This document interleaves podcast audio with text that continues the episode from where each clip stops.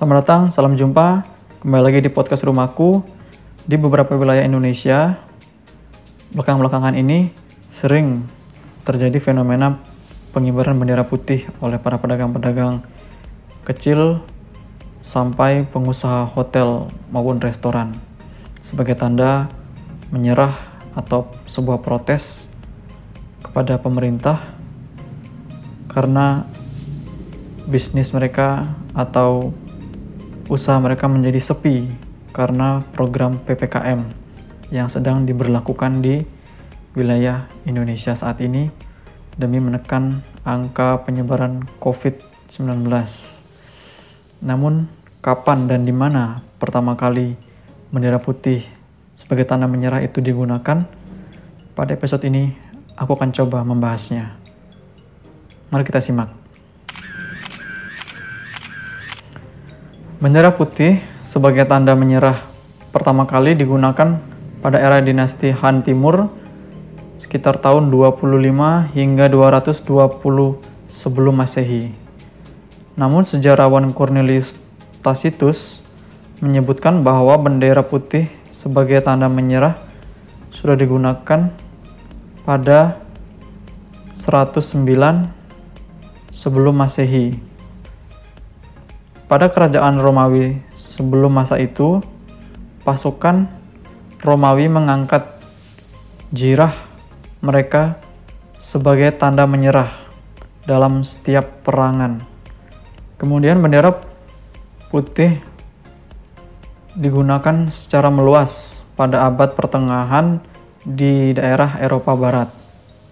Morris Hukin dalam bukunya The Loss of were in the late ages tahun 1965 melalui Wikipedia menyebutkan warna putih biasanya digunakan untuk menunjukkan bahwa seseorang telah dibebaskan dari sebuah pertempuran, tahanan, ataupun sandera yang ditangkap dalam sebuah pertempuran.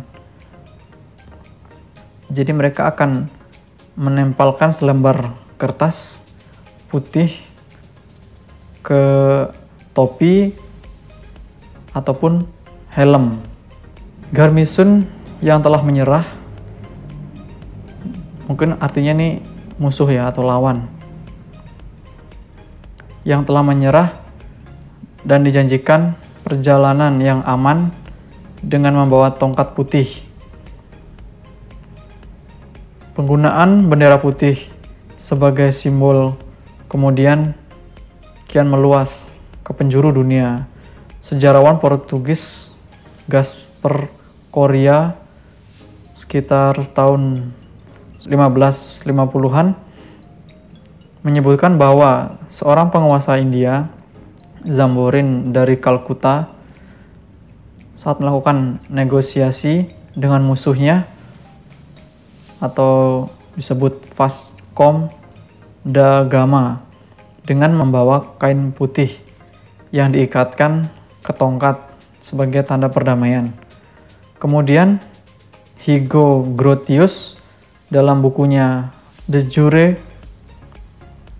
Belly H. H's Own The Law of War and Peace menuliskan bahwa salah satu teks dasar hukum internasional mengenal bendera putih sebagai tanda perundingan, namun ada pula warna putih sebagai simbol lain. Misalnya, Bani Umayyah menggunakan warna putih sebagai simbol pengingat perang Badar yang merupakan peperangan pertama oleh Nabi Muhammad SAW. Lalu dinasti Fatimah dan Ahul Bait menggunakan warna putih lawan dari dinasti Abbasiyah yang menggunakan hitam sebagai warna dinasti mereka di Prancis pada abad ke-17. Warna putih sebagai simbol Puritan. Selain itu, warna putih juga sering digunakan simbol komando militer Nah, itu tadi sekilas dari kompas.com yang saya ambil sumbernya.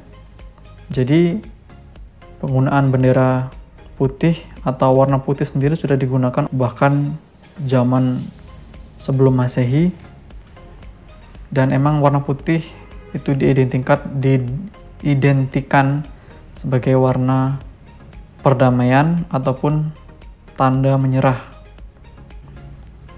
Jadi kesimpulannya bendera putih sebagai tanda perdamaian dan tanda seseorang atau sebuah kelompok